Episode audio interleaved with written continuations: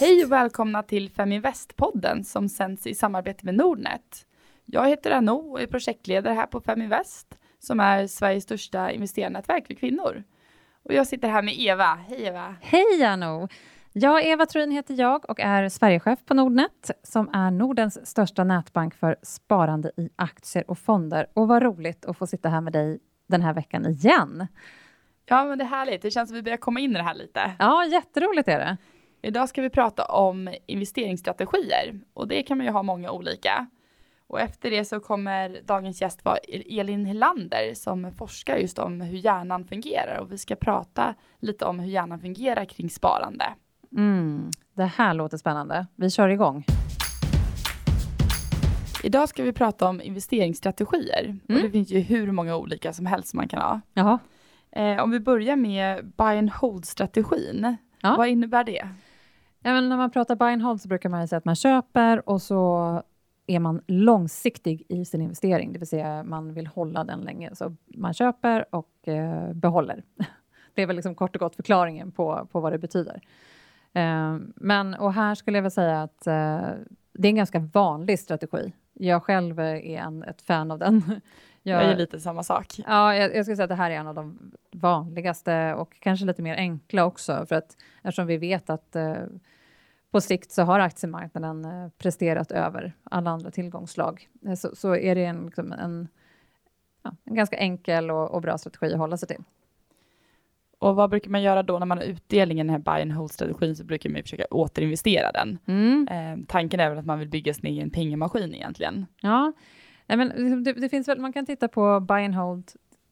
Vad är viktigt då att titta på när man kör buy and hold-strategin? Ja, Naturligtvis när du väljer ut bolag som du vill köpa och behålla, så ska det ju helst vara bolag som du faktiskt tror på, som kan visa på ja, någon fram, fram, sorts framtidssyn som du själv tror på. Antingen har du ju tagit fram den via någon eh, fundamental analys eller så ja, känner du till det här bolaget tillräckligt väl så att du fattar beslutet på det. Så att, dels vill du se värdet stiga i bolaget. Den andra delen är att du vill kanske ha någon form av direktavkastning i det i form av utdelning. Eh, så att de två parametrarna är ju viktiga att titta på när man investerar. Om man vill bygga en pengamaskin långsiktigt, att du får den här utdelningen varje år. Men precis som du säger Anno, återinvestera den. För att annars eh, så blir det inte riktigt den här penningmaskinen som man har tänkt sig. Och fördelen med den här strategin är ju också att man kan fylla på när börsen går ner lite eftersom man oftast kanske håller sig kvar i sina bolag som man har bestämt sig för. Mm. Som eh, när, eh, ja, nu har vi haft börsnedgång under det här året, så då kan man passa på att liksom fylla på i, i de här bolagen över tid. Och nackdelarna, ja, jag vet inte. Det, det är klart, man, man måste vara lite uthållig, skulle jag säga, i, i den här typen av eh, investering. Och naturligtvis in, inte kortsiktig i sin placering, utan du måste ha en långsiktighet. Sen tror jag också en nackdel kan vara att man eh, tänker att på lång sikt ska man inte gå in och tittar på vad som faktiskt händer. För det kan ju vara så i en sån här strategi att man faktiskt måste lägga om den. Om någonting, några makrofaktorer påverkar bolagen som du har inne så kanske du behöver lägga om. Helt rätt. Nej, men så är det ju att eh, buy and hold betyder ju inte, eftersom du har enskilda bolag, det kan ju hända saker, men det du såg i bolaget kan ju förändras. Eh, vi har ju några exempel på det, där, som har tagit helt andra vändningar. Eh, och då, då är det viktigt att då behöver man göra en förändring, helt enkelt. Det man kan göra istället är ju att man har en, har en buy and hold strategi, men att man ser över portföljen varje vecka, månad eller år beroende på vilken strategi man har. Eh, där man väljer ut några bolag som man inte tycker presterar enligt förväntan och byter ut dem. Mm. Men här har vi en liten nackdel också om man gör så. Eh, Ja, och sen vet jag inte, jag skulle inte riktigt säga att det är en buy and hold-strategi om man ska se över den veckovis, men alltså just att, att kanske med syfte att byta ut den. Men definitivt så, så tycker jag så att man ska gå in och kolla sin portfölj. Det är ju inte sannolikt till, kanske att det händer någonting just på veckobasis med något du köper, men, men man vet aldrig i volatila tider. Eh, och här tror jag bara att det är viktigt att eh, tänka på avgifterna. För att köpa aktier är liksom förknippat med, med kostnad. Det, liksom, det kostar ju courtage. Du får betala courtage för varje transaktion, både köp och sälj. Eh, så att se till, liksom, ha koll på vad du betalar för dina eh, transaktioner så att du inte sitter med ett dåligt avtal och får betala stora avgifter för varje transaktion, för då kan ju det urgröpa kapitalet. Ja, det kan ju ske ganska snabbt. Mm. Ett annat alternativ kan ju då vara att investera i indexfonder istället. Ja. Ja, och det här, jag menar, in, är man intresserad av att liksom ha någon form av indexliknande strategi, eh, då tror jag ju att det är bättre att köpa en indexfond än att försöka återspegla det här själv i någon form av portfölj eh, som man köper index. För det finns idag både bra och... Det fick, jag menar, vi på Nordnet har en gratisfond och det finns flera gratisfonder som följer index. Eh, då är det bättre att, att investera i en sån. Så sköter de omallokeringar och annat åt dig. Precis, då kan man luta sig tillbaka. Ja, det kan man göra. Men man, lite koll ska man alltid ha. Men, men, eh, men då kan man, om man har den strategin, då kan man luta sig tillbaka. Mm. Sen finns det den här strategin att man ska köpa aktier efter sin ålder. Ja, det där har jag aldrig förstått mig på, men jag Nej. tror man ska köpa, köpa aktier utifrån vilken riskvilja man har. Eh, därför att det här med eh, ålder har egentligen ingenting att göra med, eh, med hur mycket risk du vill ta.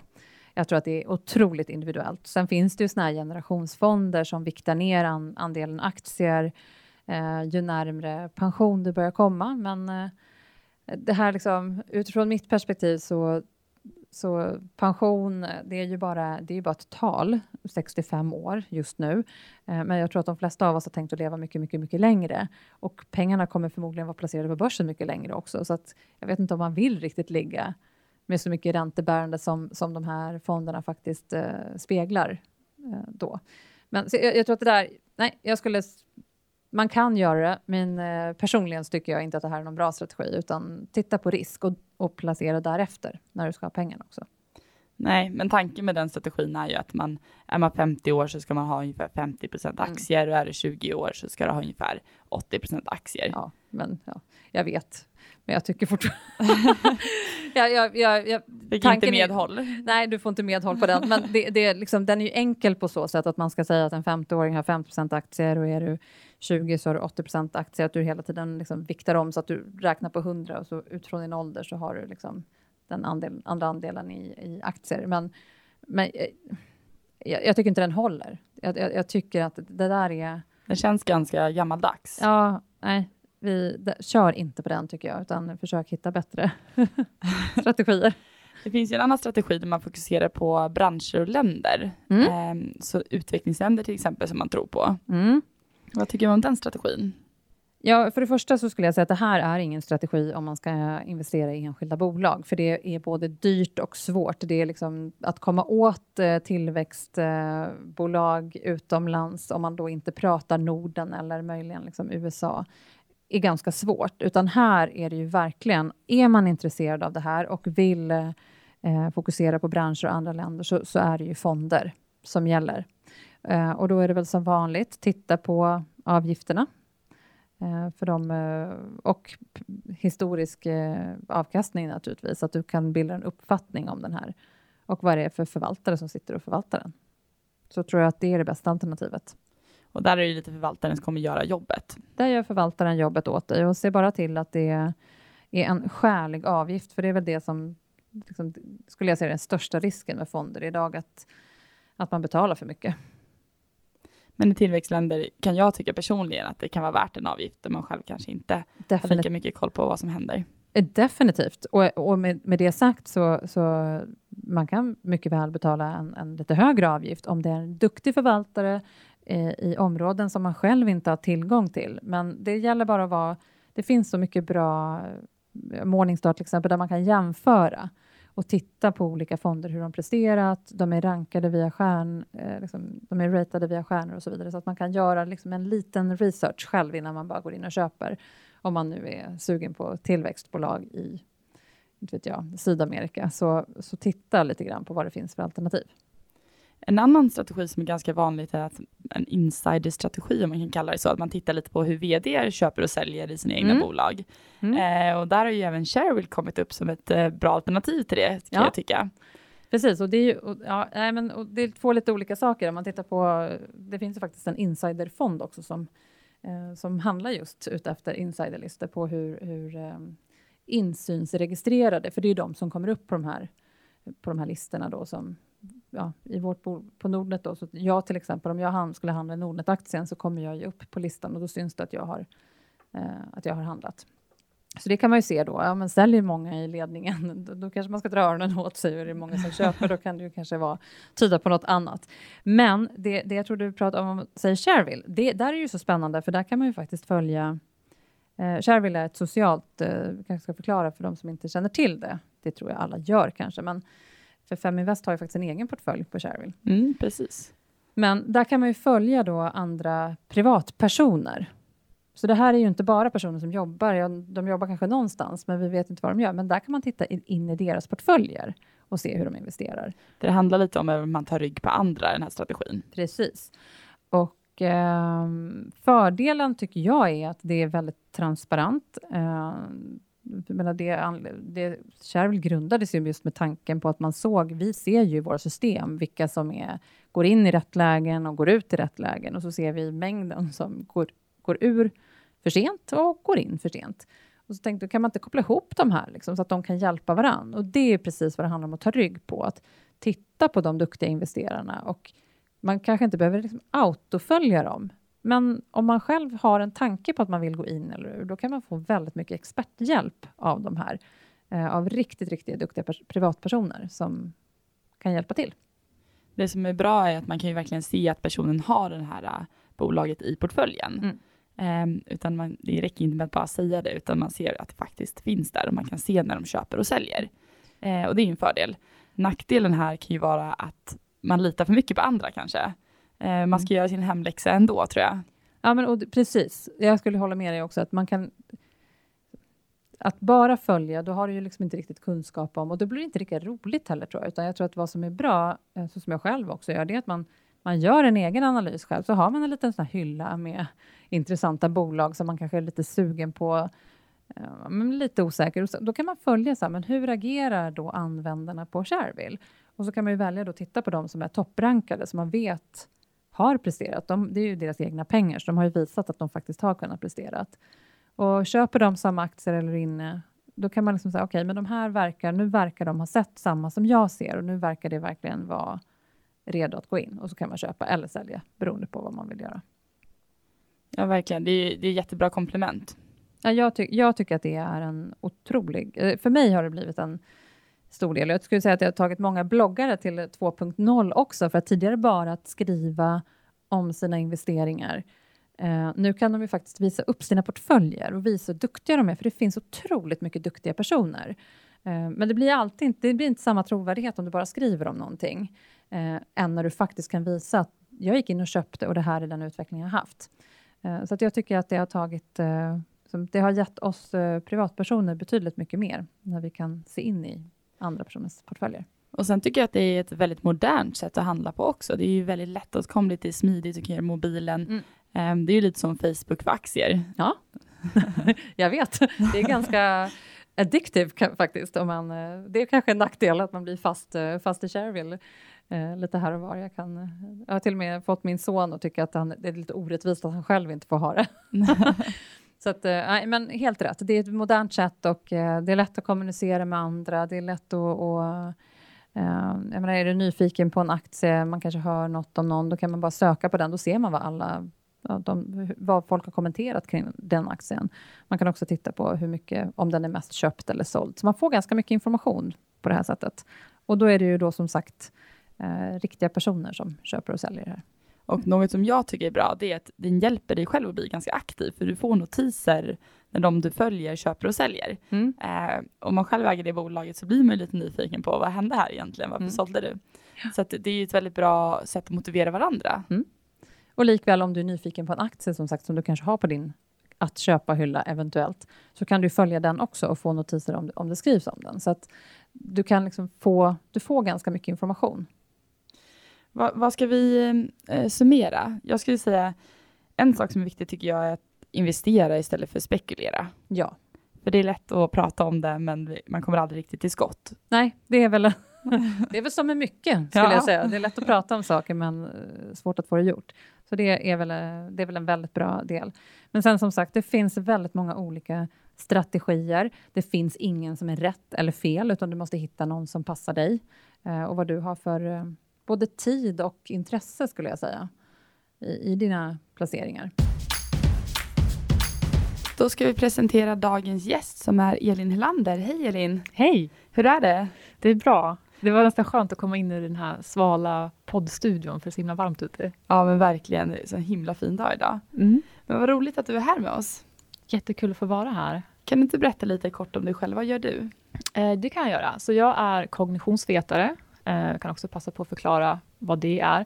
Det är att man är liksom expert på hur vår hjärna funkar, både eh, till viss del anatomiskt, men också psykologiskt. Så eh, hur vi tänker och hur vi fattar beslut och vad som händer i hjärnan när vi tar beslut. Och sen så jobbar jag som kognitionsvetare på fintech-företaget eh, Dreams och eh, är eh, VD och medgrundare till initiativet Moneymind som jobbar för att öka medvetenheten om hur beteende och ekonomi hänger ihop. Många bollar i luften. Ja, verkligen. Men vad händer egentligen i hjärnan när man sparar eller spenderar? Ja, det, det är lite olika saker som händer. Så att när man spenderar så är det eh, för oss flesta kopplat till eh, belöningssystemet. Vi blir glada av att eh, köpa nya saker. Och det är väl det som gör att det kan vara lite svårt ibland att kanske inte shoppa. Eh, Jag känner igen utan- det där. Ja, är det så? eh, och medan, medan att spara, det handlar mer om en uppskjuten belöning. Alltså att spara är att välja, så här, nu välja att inte handla. Alltså att avstå från ett beteende. Och det bru- brukar hjärnan ofta tycka är mer tråkigt än att få genomföra det här beteendet, att kanske inköpa den här, den här grejen. Eh, så, så att spara är svårare för vår hjärna än att konsumera. Eh, för att den, sök, den vill gärna ha belöningar och, och snabba kickar som vi får när vi, när vi konsumerar. Man vill ha belöningen nu. Precis, verkligen. Men kan man träna hjärnan till att gilla sparande mer? Ja, det kan man göra. Eh, så hjärnan gillar ju som sagt belöningar och då kan man belöna sig själv med någonting när man väljer att spara. Och sen vad, vad det är man belönar sig med får man välja själv, vad man tycker om, någonting man tycker om att göra eh, och så. Eh, och sen kan man ju se sparandet som en typ av konsumtion.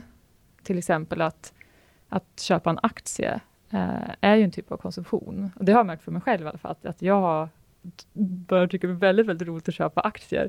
Och, och konsumerar jag någon, ska jag konsumera någonting annat så, så tänker jag alltid i kanske ett bolag som jag är intresserad för för stunden. Hur många aktier skulle jag kunna köpa istället för, det här bola- bolaget? Och då är det två konsumtionsalternativ som står mot varandra istället. Så du får välja. Men hur kommer det sig att vissa personer är mer riskbenägna än andra? Ja, man, man har sett att till viss del så spelar hormoner roll eh, till, till hur benägen man är att eh, välja risk. Eh, sen så har man sett också inom, liksom inom forskningen så har man sett att de känslor som du har för stunden också påverkar eh, hur riskbenägen du är. Så man har sett att personer som har negativa känslor är mer riskbenägna och personer när, som har positiva känslor när de fattar beslut, de är mer eller mindre riskbenägna. Eh, så det är en faktor som kan påverka. Men sen så när man pratar om risk så är det viktigt att prata om medveten och omedveten risk. Så jag tror att en väldigt stor förklaring till att man är olika riskbenägna är att vissa personer inte alltid vet om att de väljer större risk för att de har en övertro på sin egen förmåga att klara av det de står inför. Kan man se några skillnader där mellan män och kvinnor? Ja, det kan man se att, eh, att eh, kvinnor generellt sett eh, tar lägre risk och män högre risk. Och sen är frågan då vad som är medveten och omedveten risk. Och att det finns en viss anledning till att män tar högre risk är också för att de tenderar att överskatta sina egna förmågor. Eh, ja, Ja, det, det är lätt hänt, aktiemarknaden. ja. Eh, om man tittar lite på dig då, investerar du? Ja, eh, jag köpte min första aktie för kanske ungefär tre år sedan tror jag. Så jag investerar kontinuerligt i, i aktier och inga fonder för stunden. Varför har du valt bort fonderna? Alltså jag bör, när jag började spara så, så uh, började jag ganska så klassiskt, jag satte undan pengar till sparkonto, köpte fonder, köpte indexfonder för att det verkade bra. Och sen köpte jag aktier för en viss summa. Men sen så började jag fundera på men hur, hur vill jag eh, spendera mina pengar eller investera mina pengar? Och kände att jag personligen är beredd att ta en mycket, mycket större exponering i aktier och eh, att ta större risk. Jag är ganska ung, jag har lång liksom, sparhorisont, eh, så att jag kör 100% aktier nu och väldigt liten sparbuffert faktiskt. Roligt. Ja, vi får se hur det går. Ja, speciellt nu när börsen är lite skakig. Ja, precis. Men på lång sikt så kommer det nog gå bra. Men jag hoppas det. Ja. Men har någon eh, speciell investeringsstrategi? Um, bra fråga.